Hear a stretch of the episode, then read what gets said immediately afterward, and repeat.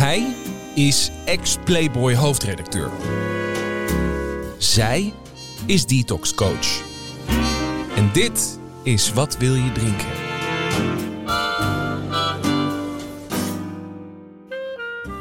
Hallo, ik ben Jan Heemskerk, ik ben 59 jaar en daarvan heb ik er 43 gedronken. Ik vond het zelf wel meevallen, maar ik dronk waarschijnlijk toch ietsje meer dan goed voor me was. Mijn laatste drankje in ieder geval was een koud biertje op visite bij vrienden op 5 september 2016. Hallo, ik ben Jacqueline van Lieshout, 47 jaar en daarvan heb ik er 25 gedronken. Alhoewel slechts drie keer in de week, wel altijd in een goed tempo en met een heel blurry einde.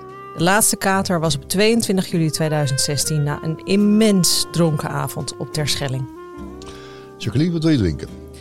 Een Earl Grey thee. Heerlijk. Jan, wat wil jij drinken? Ik heb al koffie. Lekker hoor, dankjewel.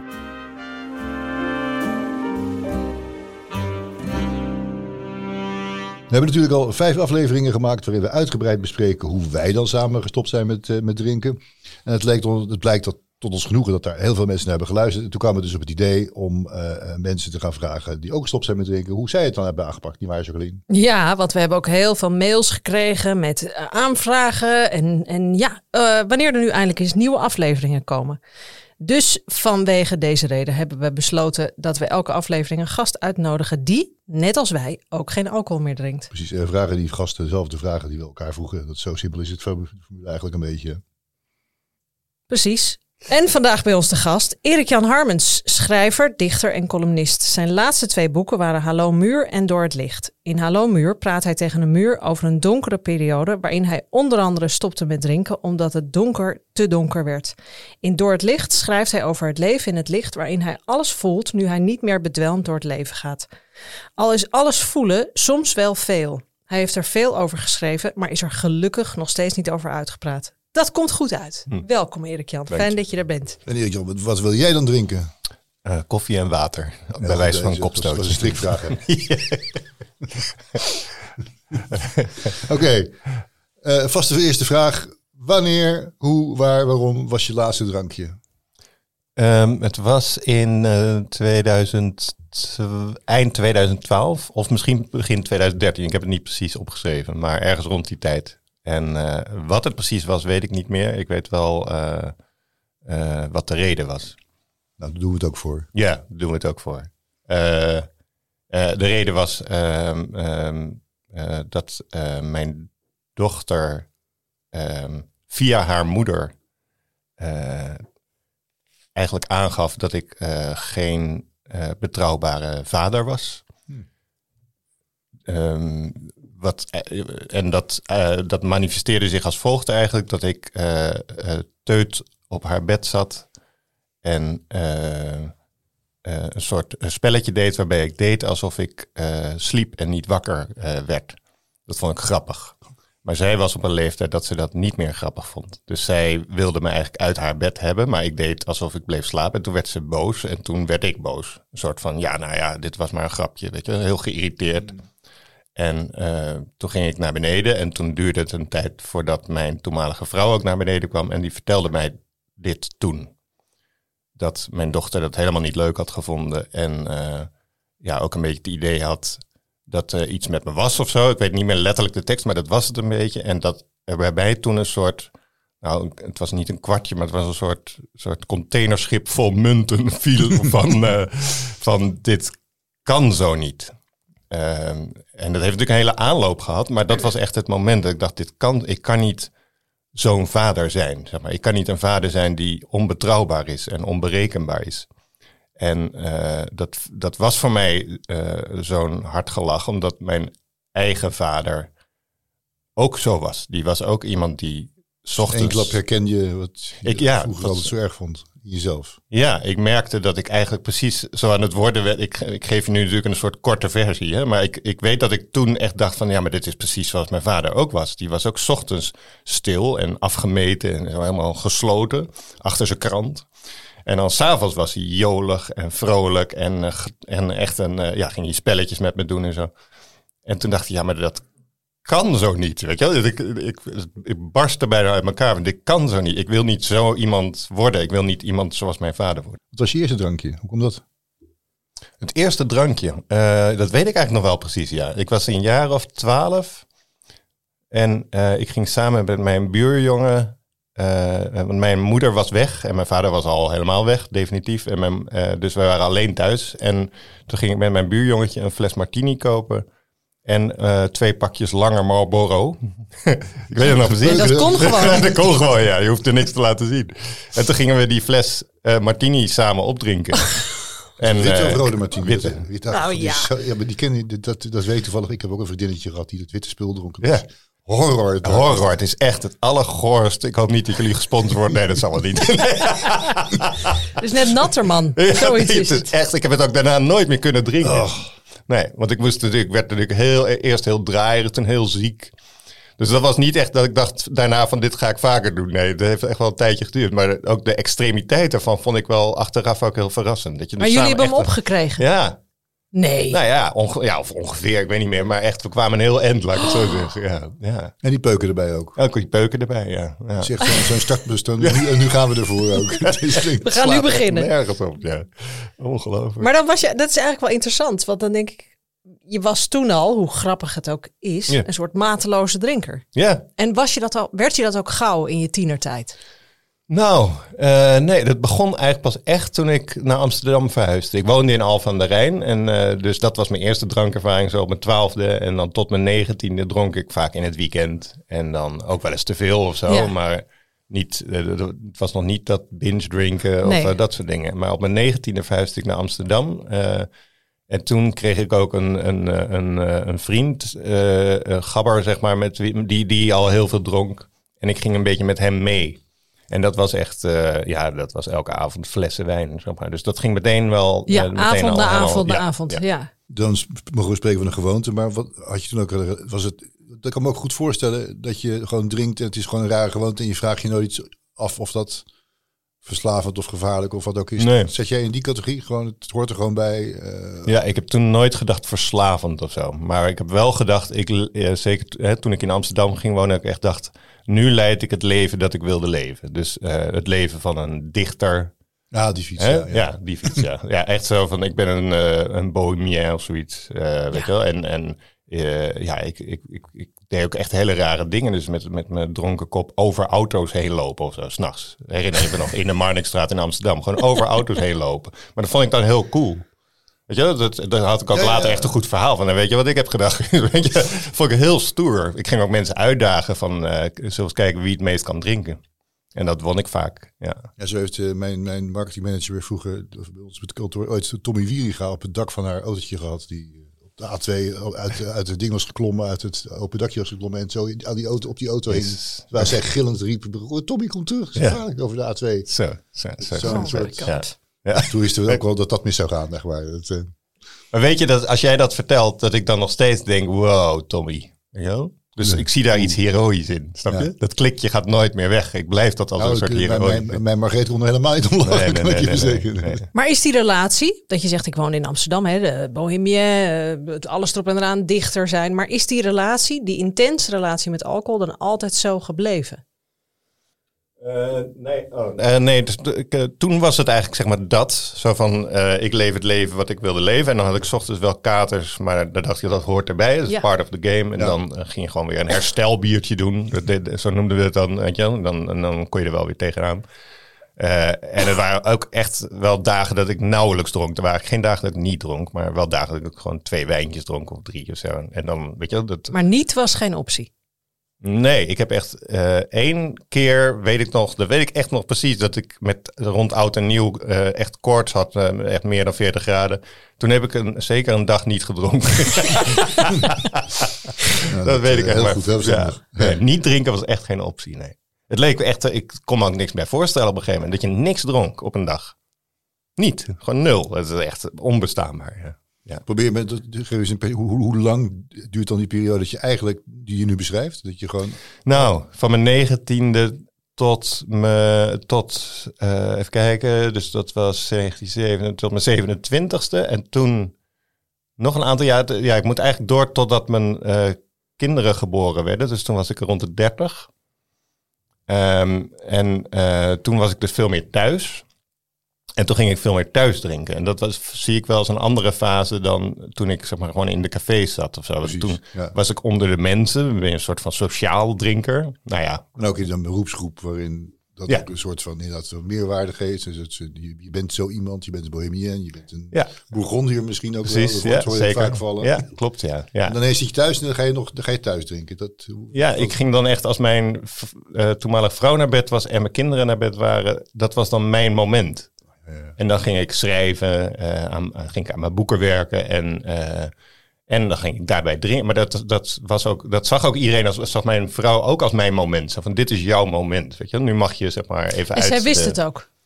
Dat je. Ja, dat is een moeilijke vraag. Ja, ze wist het wel, maar ze wist het niet of zo. Ik weet het niet. Het is het allebei. Ehm, eh, we hebben het daar best wel vaak ook over gehad samen. Want ja, hoe- in hoeverre weet je het dan? Kijk, ik was ook een eh, gaandeweg de jaren. Kijk, toen mijn kinderen werden geboren was dit het. Toen op een gegeven moment kwam er rampspoed. Toen werd me, ging mijn vader werd ziek en die ging dood. En dan, gingen opeens sowieso een aantal mensen dood. En, zo. toen ging ik extreem veel drinken. Dus toen gingen we echt het donker in, zeg maar.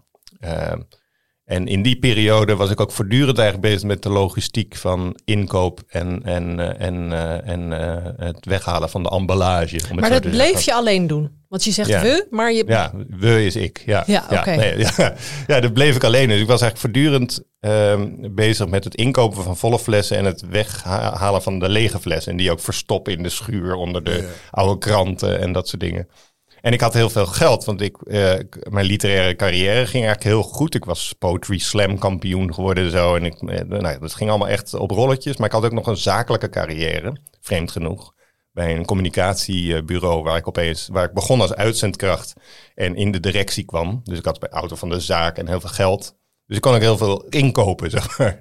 En al die stress van die dubbele baan plus nog vaderschap, die dronk ik ook echt weg. Dus er waren in die zin wel allerlei redenen om veel te drinken, ja. En was je dan. s'avonds het whiskietje erbij boven je boek te schrijven. Ja, maar als het nou een whiskietje was, weet je, maar dat was dan bij mij echt zeker, ja, ja, zeker een halve fles of zo. En soms dan, weet je, gewoon echt van die bizarre hoeveelheden. En dat ik dan 's ochtends ook, ik herinner me die, ik weet niet of jullie dat hebben, maar die kater herinner ik me nog, die whiskykater. Ik weet niet of jullie whisky dronken, maar Nee. Ook Dat- nog wel, ja. oh, dat is echt de allerergste kater die er is. Nou, ik vond je kopstootjes ook beroerd. Ja, ook wel, ja. Ja, maar oh jeetje, dat, je, dat ik echt dacht, dit kan niet als ik dan wakker werd. Ik, ik- Vreselijk. maar dan moest ik dus eerst sowieso leuk doen tegen de kinderen natuurlijk. Nou, dus ik, ik, dan stond ik zo onder de douche, weet ik nog wel, zo van, oh, kom leven, kom leven, kom leven.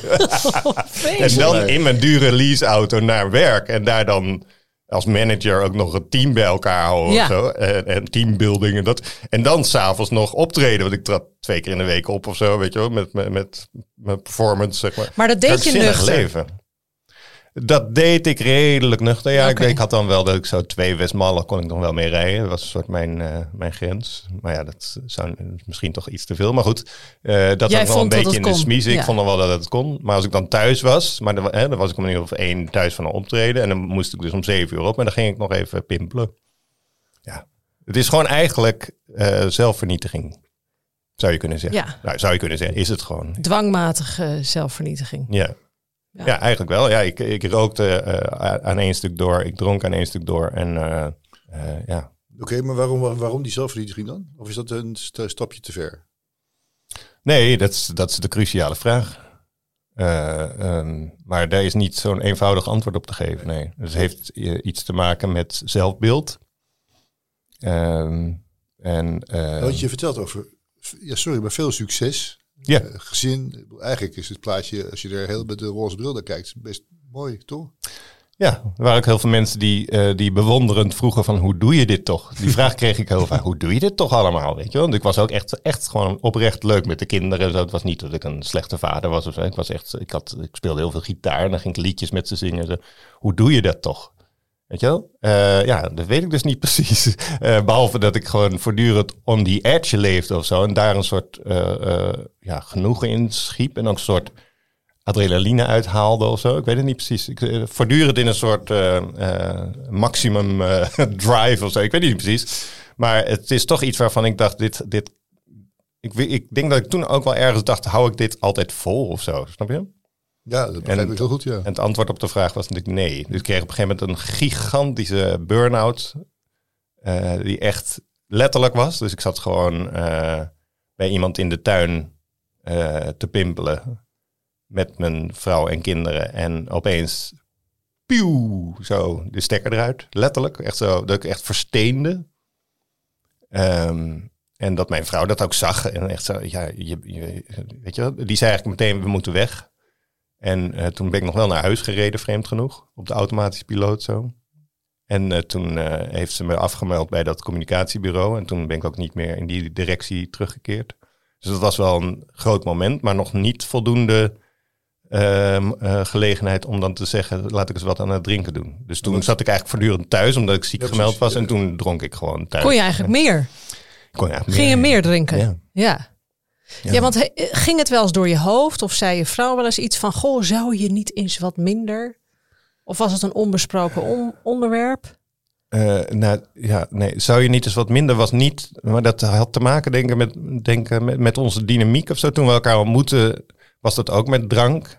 En de- we waren een beetje zoals, eh, ja, een beetje, de, de romantiek zat hem gewoon in dat samen gezellig eh Drinken. glaasjes drinken en Ja. dan eh, en een beetje anders leven dan de anderen. Weet je, een beetje anti-burgerlijk, beetje zo, eh, zo van kijk ons eens even alles doen, weet je wel. Kijk ons eens geld verkwisten, kijk ons eens, weet je wel. Dus dat zat heel erg in die relatie of zo. Dat is niet iemands schuld, maar dat was gewoon onderdeel van onze, ons samen zijn. En zij maakte zich wel heel erg zorgen. En ging ook wel met mensen erover praten, maar nooit met mij. Ehm, omdat dat, ja, ik weet het niet. Ik denk, ja, ik weet het niet waarom. Nou, dat zouden we haar moeten vragen. Jullie maar- dronken niet samen? Jawel. ja. Oké. En dan hadden we ook echt hele goede gesprekken Ja. samen. Maar die, eh, ja, die waren we de volgende dag, was ik die in ieder geval wel een klein beetje vergeten ook. En eh, we kwamen er ook wel achter dat we die gesprekken vooral hadden met, met die drank Ja, ook. Ja, ja, ja. dat herken ik wel. Nou ja. Maar de vraag van Jan, van waarom die zelfvernietiging, als je eigenlijk zo succesvol bent, ja, daar heb ik dus echt niet echt een goed antwoord op. Ik weet dat ik uiteindelijk gestopt ben met drinken voor mijn dochter en voor, ook voor mijn zoon. En Ja. gewoon voor mijn kinderen, niet voor mezelf. Ik bedoel, ik, ik geloof echt op, ik was toen echt oprecht eh, het gelukkigst, denk ik, als ik gewoon eh, ja, in feutushouding dronken op de bank lag of zo. Ja, lekker maar waarom? donker. Weet je, terwijl je gewoon heel veel dingen aan het doen bent, heel lekker bezig bent eigenlijk. Ik, ja, ik weet het niet precies. Ik Maar kan ik me had, voorstellen dat je na zo'n schrik, met eh, dat je zegt bij het communicatiebureau en thuis zit, dat je dan iets krijgt van, ja, wacht, mijn, mijn hele eh, wereld stort in. Dat begrijp ik dan weer wel. Maar ja.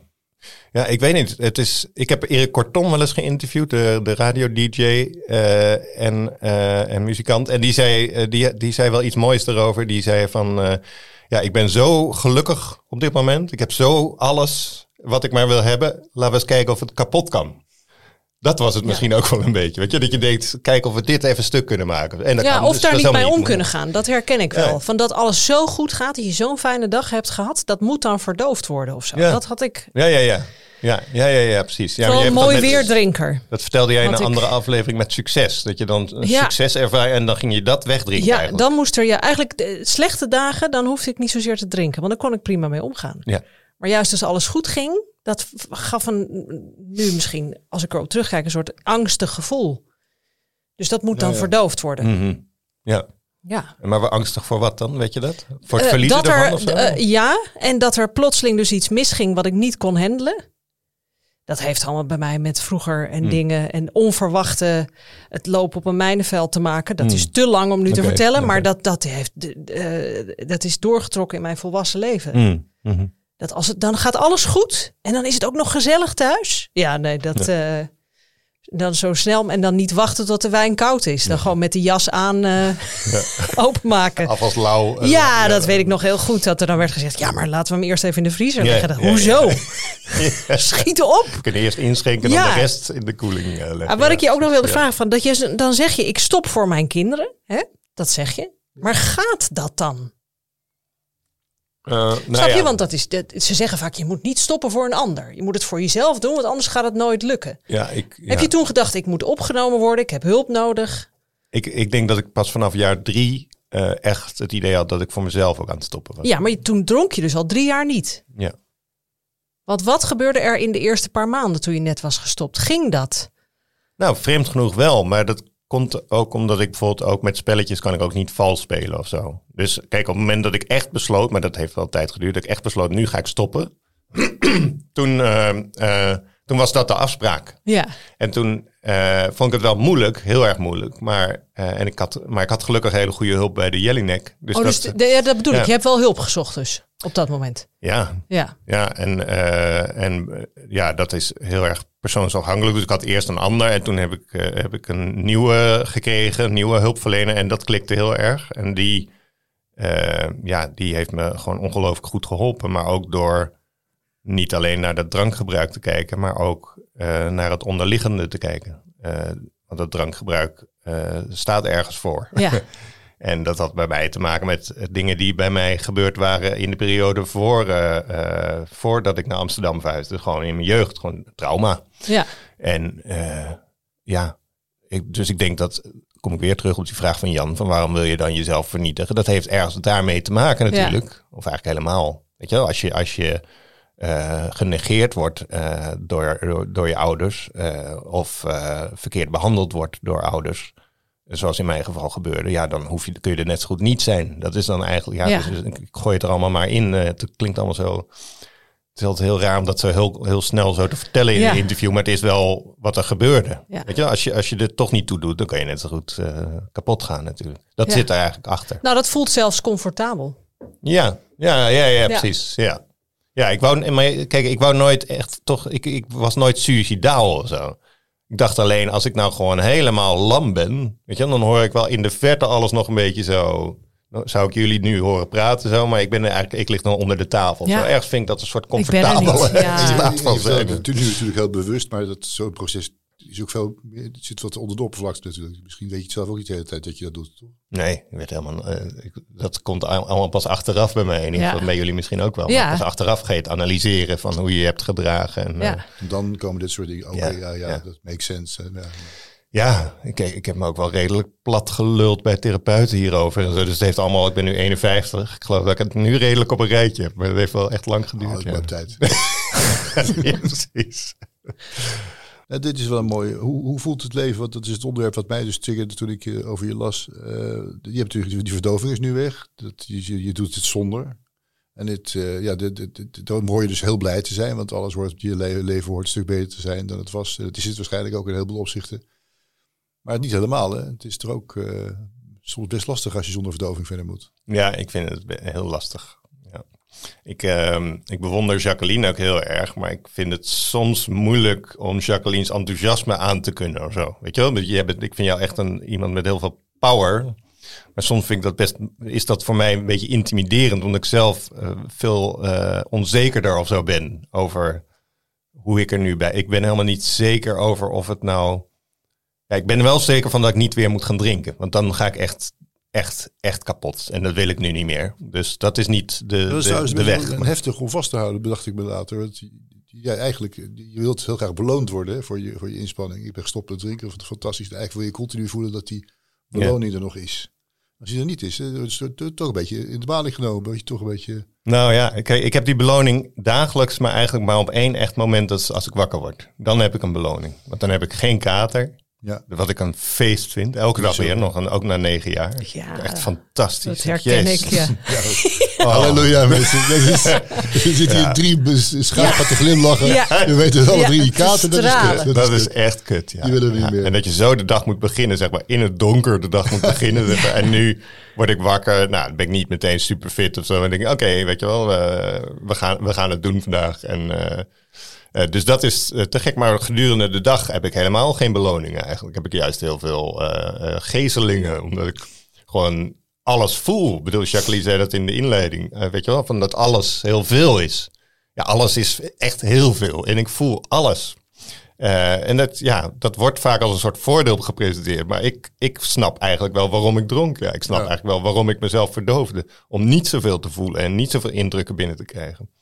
Ehm, en ja, bij mij werd, werd, werd die hoeveelheid indruk, indrukken gewoon op een gegeven moment ondraaglijk. Dus, dus zeg maar na, weet je wel, gedurende de jaren dat ik dacht, ja, maar zo kan ik eigenlijk niet leven.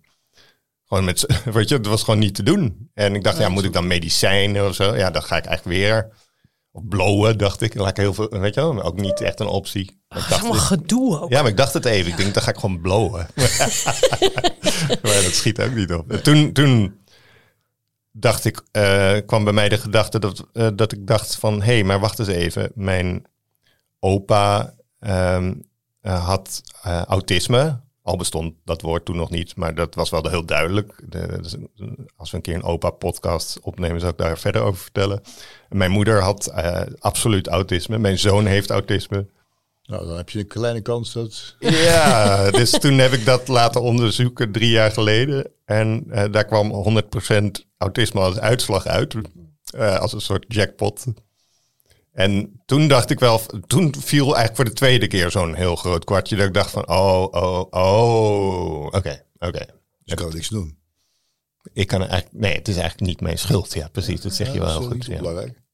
Ja, en dat was tegelijkertijd een opluchting en een dreun of zo. Omdat de dreun zat er maar in dat ik dat dus 51 jaar of toen, nou ja, 48 jaar destijds, zo had geleefd, zeg maar. Zonder zonder eh, te weten waarom ik nou zo'n vol hoofd heb en zonder nou te weten waarom ik dat nou zo, eh, waarom ik het leven nou zo taai vind vaak en zo lastig en zo veel. Ja. Eh, dus, ik, dus dat was de, de dreun, maar de opluchting zat erin dat ik snapte waar het door kwam. En dat ik dan vanuit die kennis ook echt iets aan kon gaan doen. Dus ik ben eigenlijk toen echt pas eh, mezelf gaan helpen. En tot die tijd was het toch worstelen, worstelen, Hoe worstelen. ben je jezelf gaan helpen? Nou, door eh, eh, bijvoorbeeld een coach te nemen die, die mij gewoon helpt met hele specifieke dingen die voor mij ongelooflijk groot zijn. Dus eigenlijk vaak helpt zij mij met hele kleine dingen, zoals eh, dat mijn, eh, ja, dit zijn allemaal absurde dingen, maar dat mijn auto een raar geluid maakt. Of dat eh, de strip van de douche eraf ligt en ik weet niet hoe ik hem erop moet doen. Daar zit, kan ik dus dagen, weken mee bezig zijn en zij lost dat op. Of dat als de Herken jij hè? Ja. ik voel heel veel herkenning eh, tussen de mannen. Dat is heel grappig is dat. Wat dan? Nee, gewoon dit, dit- dat, dat soort stomme dingen waar je... Eh, maar heb jij dat ook onbeduidelijk- bedoel Ja, ik? ga op, onbeduidelijk druk over maken, die flauwekul allemaal. Is dat heel eh, Ja. vervelend. Ik vind dat zo erg. En dan, dan ga ik dus naar mijn mannetje die, die, die mijn auto doet en die luistert en die zegt... Ik hoor niks. En ik, eh, weet je, ik ben gek. Ik, eh, dat, kan ik zo... Maar ik heb dan gelukkig dus nu een vrouw die gewoon heel rustig blijft... en dat gewoon niet meteen afkeurt of zo... maar gewoon mij helpt om dat soort dingen een beetje aan te kunnen. Nou, dat is echt een grote stap voor mij... om gewoon zo iemand toe te laten en, en, me, en me te laten helpen eigenlijk ook. Ja. Maar dan ben ik benieuwd. Eh, dat blowen is dus niet doorgegaan. Nee, maar heb je dan nog eh, andere, heb je andere manieren van verdoven? Nee. Ja, behalve hardlopen. Oké. Dat is het enige. Maar kun je daar dan ook, want ik heb je wel eens horen zeggen van eh, alles tussen 0 en 100 begrijp ik niet. Kun je dan ook in hardlopen, misschien wellicht alleen in de ogen van andere mensen, doorslaan? Ja, ja, ja, zeker. Ja, ik, ik, ik, ik loop nu halve marathons en zo. En dan ga ik dit jaar een hele lopen en zo. Ehm, en, eh, en als ik bijvoorbeeld niet lekker loop, dus heb ik wel eens dat het gewoon niet, niet echt gaat of zo, dan baal ik daar heel erg van. Afkeurend En naar echt, jezelf? Nou ja, dat is een eufemisme. Ja, was het maar gewoon afkeurend, maar het is echt. eh, nou, dan, ja, ik, ja, ik heb echt een soort innerlijke, eh, ju- eh, hoe noem je dat? Innerlijke judge, een innerlijke rechter, hoe heet zoiets? Nou ja, Criticus. criticus. Maar die gedraagt zich vaak als een soort bul. dat is gewoon, Voor straf moet jij weer drinken. ja, maar echt zo, ja, vuile klootzak. Maar zo, zo zelf, zelfvernietigend ook weer. Mooi. En gaat het ooit nog wel eens door je hoofd? Van iets drinken? Of zie je wel eens een Westmalle staan of iets anders? Komt het stemmetje nog wel eens? Ja, eh, ik had het, eh, de- nou, dat is alweer een tijdje geleden, maar had je een reclamecampagne van eh, zo'n Duits biermerk, Warsteiner. En die hadden zo'n abri met zo'n glas, eh, zo'n mooi slank glas vol met bier en een schuimkraag. En er zaten van die druppeltjes op Ja. dat glas en daar was dan op scherp gesteld, op die druppeltjes. En dat vond ik echt heel heftig. Dus Ja, wat echt- gebeurt er dan? ik weet het niet. Toen ging opeens, ik was er gewoon niet op voorbereid, ook op dat detail, denk ik of zo. En dan dacht je, oh ja, en dan heb je dat glas zo vast met Ja. die druppeltjes. En dan voel je die koelte van dat bier. En dan zet je die schuimkraag aan je lippen. En dan ding, ding, ding, ding, ding. Voel je zo die hersenen die alcohol ontvangen. En Ja. dan wordt alles zachter. Dat gevoel ook. Ja. Dan, wordt, dan wordt alles zachter. Ja. Dan is alles niet zo hard.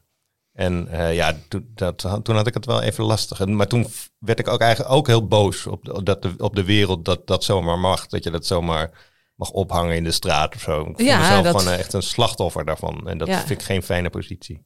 We het toch over hebben, wat, hoe, hoe reageerde de, de, omgeving eigenlijk op jouw stoppen? Behalve die familie. Ja, ehm, Hadden ze er überhaupt kijk op? Hadden ze je ooit zo gezien als iemand die te veel drinkt? En, en ze- toen je helemaal weer stopte, ja, wat vonden ze toen? Nou eh, ja, dat is een, een moeilijk te beantwoorden vraag. Want het was wel anders dan ik had gedacht. Ik dacht dat de hele wereld echt zou gaan juichen. Maar dat was eigenlijk niet echt zo. Eh, een aantal vrienden ehm, gingen eerst eh, nog mee stoppen. Gewoon als soort van leuk experiment. Die zei, een paar vrienden zeiden, oh wat leuk, dan ga ik dat ook proberen.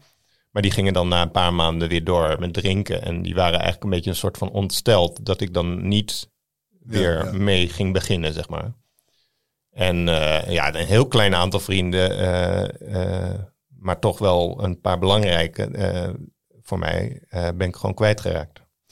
En dat vond ik wel heel erg moeilijk om te accepteren eigenlijk. Ja. Maar ja, ik heb dat zelfs nog een tijdje zo dat ik zei van ja, ik begrijp het wel of zo. Het is pas heel laat dat ik dacht, ja, ik begrijp het eigenlijk niet. Ik vond het eigenlijk ah, heel laat, daarna nu nog steeds, dat ik denk, fuck off. Ja. Weet je wel, maar dat heeft heel lang geduurd. Eigenlijk Ja. heb ik heel lang gedacht dat het aan mij lag. Want ik was de spelbreker.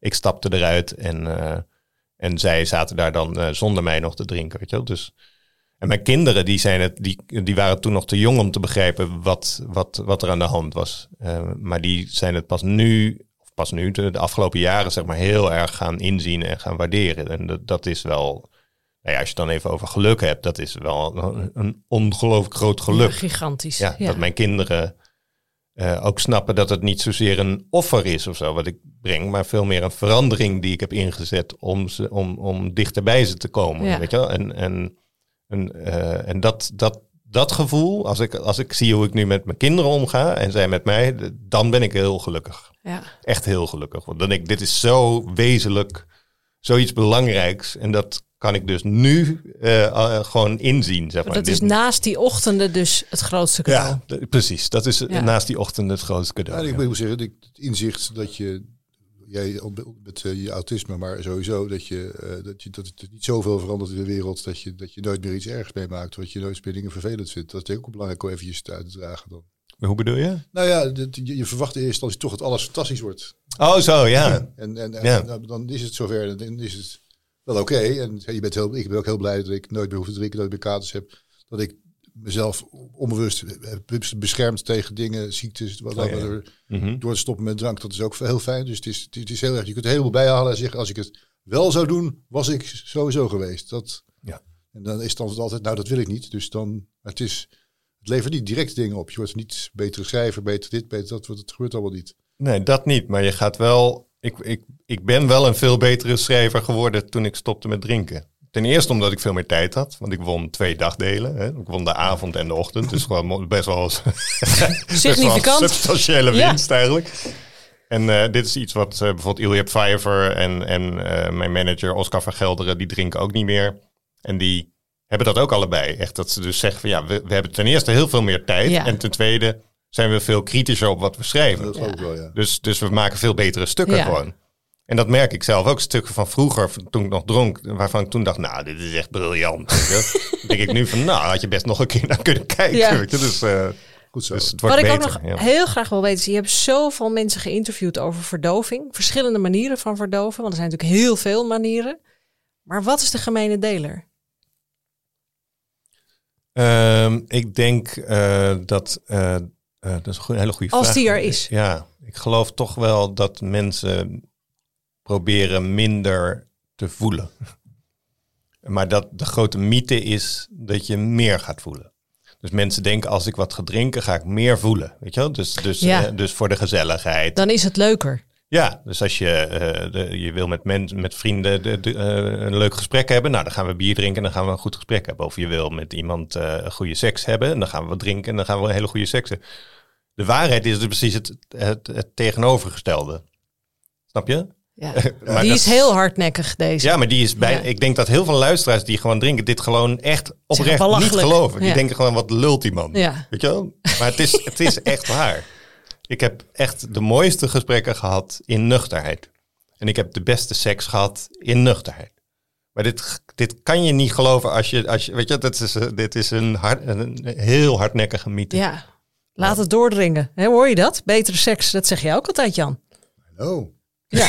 Dat? Maar met drank op is er chaos. En die chaos mis ik echt eh, eh, vaak. Die chaos vond ik namelijk toch ook ontzettend leuk. Dat je gewoon ja, letterlijk soms bijna omvalt of zo. Of dat je opeens, auto's lopen. opeens in iemand, ja, dat in iemands armen ligt. En wie ben jij? Weet je, of ze- de, gewoon dat. Of dat je tegen iemand aanduwt en die duwt terug en dan krijg je een soort ruzietje. Of zo. Ik weet het niet. Ik snap niet wat ik daar nou precies aantrekkelijk aan vind. Maar ik mis het wel af en toe. Gewoon Dat de, je, dat je, misschien mis je eraan dat je, dat je dan geen, dat je ongecontroleerd handelt. Ja, ongecontroleerd handelt. En, Ja. En, en je hoeft ook niet geen verantwoording af te leggen als je dronken bent. Nee, Dat wil je ook kan je zeggen, ja, sorry, ik was eh, een beetje... lamp, Ja, ik precies. probeerde de sleutel in het slot te krijgen en ik flikkerde het bosje in. Dat was, dat per ongeluk. Ja. Maar chaos, weet je, dat je gewoon zo lallend over straat of zo. En, en dan voelde ik me echt, echt tip-top. Voelde ik me gewoon Ja. tip-top, weet je. Ik ben echt tip-top aan De het leven. keizer ben ja, ik. Ik, Ja, keizer, ja. ja. Dat is ook het enige dingetje wat ik nog een beetje overhoud als bij kinderen daarna vragen. Die zeggen, nou, ik ben wat verlegen met meisjes. Hè. Nou, Mhm. Eén, twee briefjes, dan ben ik iets dapperder. En dat is natuurlijk ook zo. Dat is het enige wat ik kan bedenken waarvan ik denk, ja, dat, dat zou een positief, als je ziet wat daar allemaal tegenover staat van Ja. aardigheid. Dat, maar dat is dan een dingetje. Als Ja. verlegen jongetje van vroeger met een bril. Dat je denkt, ja, dat, was- dat was toch wel handig. Een beetje bij. Ja. Maar ja, goed, tegenwoordig ben ik gewoon keurig getrouwd. Heb ik eraan? Zouden jullie eh, eh, elke dag één glas kunnen drinken? Nee, maar ik zou het ook niet willen. Ik vind dat ik heb, heb dat, ik ben zes jaar gestopt en ik denk dat ik dat pas een jaar heb. Dat mensen zeggen: Ja, maar Jacqueline, jij zou echt wel één glas willen drinken van een Barolo. één champagnetje, één dingetje. En zeg ik nee, want het enige wat ik voel als ik daarin duik, één glas, is dat ik het laatste slokje voel. En dat ik alleen maar denk, ook bij de fantasie, ik wil de volgende. Mhm.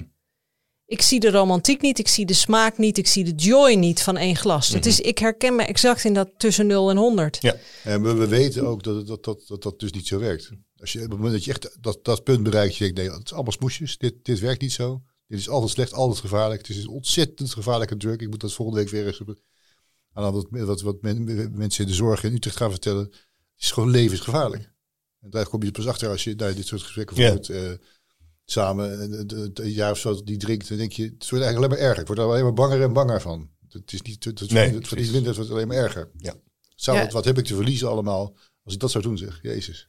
Ik vind het ook lastig als ik mensen spreek of die ik begeleid, die dan zeggen: Ja, ik dacht dat ik wel weer eens een glaasje kon nemen. Dan, dan, dan denk ik echt: Hé, hoe, hoe kun je dat denken? Ja.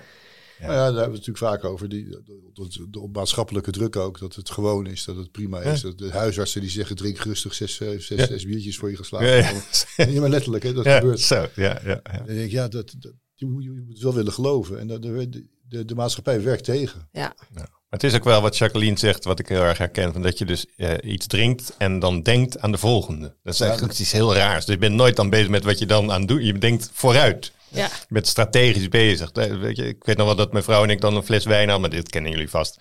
En dat er dan nog iets minder dan de helft in zat. En dat je denkt, het is half tien. Ja, dit gaat niet goed zo. Want dan Ja. zijn we om tien, weet je, dus dan Oh, moet je ja. even doordrinken. En dan Ja. zullen we nog eentje opentrekken. Ja. Je, De hele tijd strategisch bezig zijn. ja, weet je wat ik pas geleden hoorde? Dacht ik, die tip had ik eerder moeten hebben. Dat, er was een vrouw die ik begeleid, die zei: Ik maakte altijd twee flessen open. Die Oh, zette ik in de koelkast. Ah ja. Want dan was het niet, dan moet je dat vreselijke bruggetje, we gaan er nog één. Ja. Dan heb je er al Dan twee heb je er open. al twee open, Toen ik dat hoorde, toen was het kleine alcoholistje in mijn achterhoofd. Zei, oh, wat een heerlijk Super tipje is dit. Ja. Ik heb ook achteraf heel erg moeten lachen om mijn aankoop van de Vacuvin. Ja. Zo'n ding, zo'n rubberen dingetje. Want die, bij mij ging de fles altijd leeg, dus sloeg echt nergens op. Zo'n vacuümzuiger. Ja. Mooi. Oh, Ja, maar het is, wel, het is wel triest, inderdaad. Met roken ook. Dat is één ding wat ik nog erger vind dan drinken. Dat is roken. Dat vind ik totaal stupide. Maar ja, dat heb ik ook, eh, weet ik veel, hoeveel jaar gedaan. Ja, ik heb het ook 25 jaar gedaan. Ja. Ja.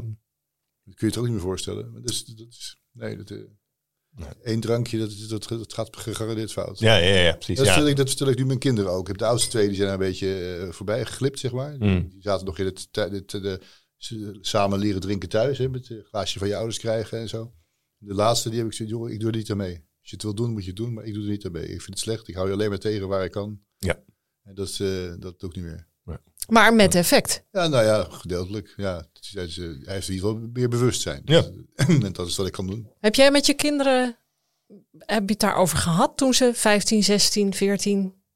Eh, eigenlijk niet. Ehm, maar dat komt denk ik ook omdat ik, omdat ik mijn dochter eh, een keer een avond eh, uit zag gaan. En toen wel merkte dat ze niet zo eh, blij was met de drank. En het idee had van volgens mij lost zichzelf dit wel op. En, eh, en mijn zoon die heeft al eh, een paar jaar geleden besloten van ik stop sowieso, ik ga sowieso niet drinken. Of ik stop met drinken, zei hij. Niet dat hij dan- heel veel dronk eh, op dat moment, maar wel genoeg dat hij dacht van dit wil ik niet. Ik denk ook omdat hij zag wat het met zijn, met zijn brein deed of zo. Het gevoel had van dit is, dit is niet wat ik wil. En oh, daar heeft natuurlijk mijn beslissing een rol in gespeeld Ja. op een bepaalde manier. Maar daar hebben we het eigenlijk tot nu toe nooit echt heel erg over gehad. Wat deed Nee. dat met jou, dat hij dat zei? Geeft dat een Eh, goed Het ontroerde me heel erg. Ja, Ja, het ontroerde me heel erg. Omdat, en, en ook vanuit mijn beleving, omdat ik als, eh als eh, omni-drinker gewoon dacht, ja, maar zoveel dronk je niet. Dat was dan mijn eerste invalshoek. In plaats van dat ik denk, wat goed van je dat je dat besluit. weet je? Ik ging eerst denken, oh, zoveel drink je er niet. dat is toch gewoon mijn eerste impuls. En later, meteen daarna eigenlijk dacht ik, wat, wat ontroerend. Dat, dat iemand op zo'n jonge leeftijd dat besluit. ja. En daar heb je er toch waarschijnlijk bewust of onbewust de hand Ja. in gehad. Ja, dat, dat zeker. geloof ik wel. Dat is toch fantastisch. Dat is fantastisch, ja. Ja, ik zie gewoon dat hij eh, eh, met vrienden de stad ingaat en dan gewoon niet drinkt en dat gewoon eh, eh, geen probleem vindt. En, en, en toch gewoon hele leuke dingen meemaakt. Je, dat is- Fantastisch. ja, dat is natuurlijk heel mooi om te zien. Ooit ben ik ben een restaurant geweest, ergens bij het, bij de poortstation. Daar was een hele jonge kok aan de slag. Die was twintig of zo. Die had nog nooit gedronken. Hmm. Die dronk niet. Dat vond ik toen zoiets wel zien. Hij zei, ik het overal ben gaan vertellen. Je hebt gewoon mensen die nooit hebben gedronken. Ja, ja, ja, ja, ja precies. Ja, dat vind ik heel wonderlijk. hè? Hartstikke succesvol in de restaurantbranche. Dus de- daar waar drank om niet aanwezig is. En Ja. die man had gewoon iets. Nee, pff, geen- eh, er zijn er natuurlijk veel meer van. Ja. Die, bestaan gewoon. Ja. Wij, wij denken dat niet. Maar er zijn een heleboel mensen die drinken helemaal nooit. Ja. En die hebben nooit gedronken. En die Zeggen mensen vaak ook tegen mij, ja, maar iedereen drinkt. Dan denk ik, ja, dat is dus Nee. zeker niet op ons niveau. En komen jullie allebei, want ik had het over mijn vader en dat hij ook zoveel dronk. En dat ik toen dacht, dat wil ik niet. Ik wil dat niet ook weer voortzetten. Maar is dat iets wat jullie ook herkennen? Van jullie ouders en... Nee? Nee. Ik weet niet van hoeveelheden, maar ik weet wel, er was bij ons altijd enorme stress, spanning. En dat, dat werd het gezin, zeg maar. Oh, Ja. gigantisch. En op vrijdagmiddag werd er gedronken. Mhm. In mijn herinnering niet heel veel, maar dan was er wel ontspanning. Oh, ja, ja. Vrede. Ja. Er was een kaas en leverworst Ja. en er waren collega's en het was gezellig. Ja, ja. En ik heb als kind, dat is wel echt in me gestempeld. Van dat geeft rust. Mhm. Ja, precies. En Ja. mijn vader was mateloos inderdaad, dat weet ik wel. Dus dat, eh, dat ging in een enorm tempo. Maar tempo dan alleen op die vrijdagmiddag. Ja, met alles, Oh. maar ook met alcohol. Oh, oké. Ja. Ja, oké. Ja. En iemand heeft wel eens tegen mij gezegd, jouw vader was een alcoholist. Dat vond ik heel vreemd. Dat heb ik echt niet meegekregen. Nee. Nee. Nee. En bij jou, Jan? Ik, zo, ik, ik stel me zo'n 70 jaar, 70 gezin voor waar Ja. altijd sigaretten en, en, en, drank is, waar niet veel. Gewoon, men, men dronk, men rookte. Ja. Dat, dat die Ja, ja, ja. ja. niet, niet opzienbarend of wat ook. Nee. Ja, ik had nog één vraag. Dus wellicht een onmogelijke vraag, maar ik stel hem toch. Kun je in één zin omschrijven Die, ja. waarom je blij, een Hosanna-momentje, waarom je blij bent dat je gestopt bent? En zo ja, wat zou die zin dan zijn? Je legt het ook wel erg op de stip. Hè? Dat, eh, Weet ja, ik. Maar ik denk, dat ik, nou, ik ga gewoon proberen. Ehm, ik denk dat in dit gesprek wat we nu, hebben, dat we nu hebben gevoerd, dat ik wel heb aangegeven dat nu alles is zoals het is. En dat ik dat dus heel moeilijk vind, omdat alles zoveel is. Maar dat dat tegelijk, tegelijkertijd ook de grote vreugde is. Dat er niet. Dat ik niet iets aan het onderdrukken ben en dat er ondertussen als een soort veenbrand nog een Ja. soort andere werkelijkheid is of zo. Weet Ja. je wel? Dus ik bedoel, er is maar één werkelijkheid op dit moment. Ik leid geen, eh geen dubbel leven eigenlijk meer. Ik leid geen dubbel leven meer. Ik leid één leven. dat is mooi. En eh, dat is niet, zeker niet altijd makkelijk en zeker niet altijd leuk. Maar het is, Maar het wel, is wel echt. super overzichtelijk Ja. en het is echt. Ja, En dat betekent dus ook dat als er iets tofs gebeurt of ik voel me goed, wat op een heel raar moment kan zijn. Soms loop ik met mijn hond door het park en ben ik opeens gelukkig. Oh Denk, ja, eh, ja. Hoe kan dat Ja, nou? Er gebeurt ik, niks. ja. Ineens een scheutgeluk. ja. Ik Denk, wat? maar dat is dan helemaal echt. Het Ja. wordt niet opgewekt door een Westmalle of een Warsteiner. Dat wordt gewoon, het komt gewoon binnen omdat het eh, echt is. Het is gewoon het leven. Dus het leven maakt me gelukkig en niet de drank. Ja, dan ben ik wel... Nou ja, maar dat is de zin dus. Het leven maakt me gelukkig en niet de drank. Prachtig. Erik Jan, dankjewel dat je hier aanwezig wil zijn met deze parelen van wijsheid. Herkenbaar vaak. En hiermee zijn we aan het einde van deze aflevering gekomen. We hopen dat jullie hebben genoten en dat het jullie gaat helpen om stappen te zetten naar dat leven zonder alcohol, wat toch zo leuk en ook zo zwaar kan zijn. Want neem van me aan. Ja, mocht je nog vragen hebben, kijk dan even op watwiljedrinken.nl. We hopen dat jullie er weer heerlijk nuchter van genoten hebben en dat we weer een beetje meer inzicht hebben kunnen geven hoe wij en anderen tot een alcoholvrij leven zijn gekomen. Erik Jan, wil je nog wat drinken? Doe nog maar een watertje. En Jan, wil jij nog wat drinken? Nee, ik heb genoeg.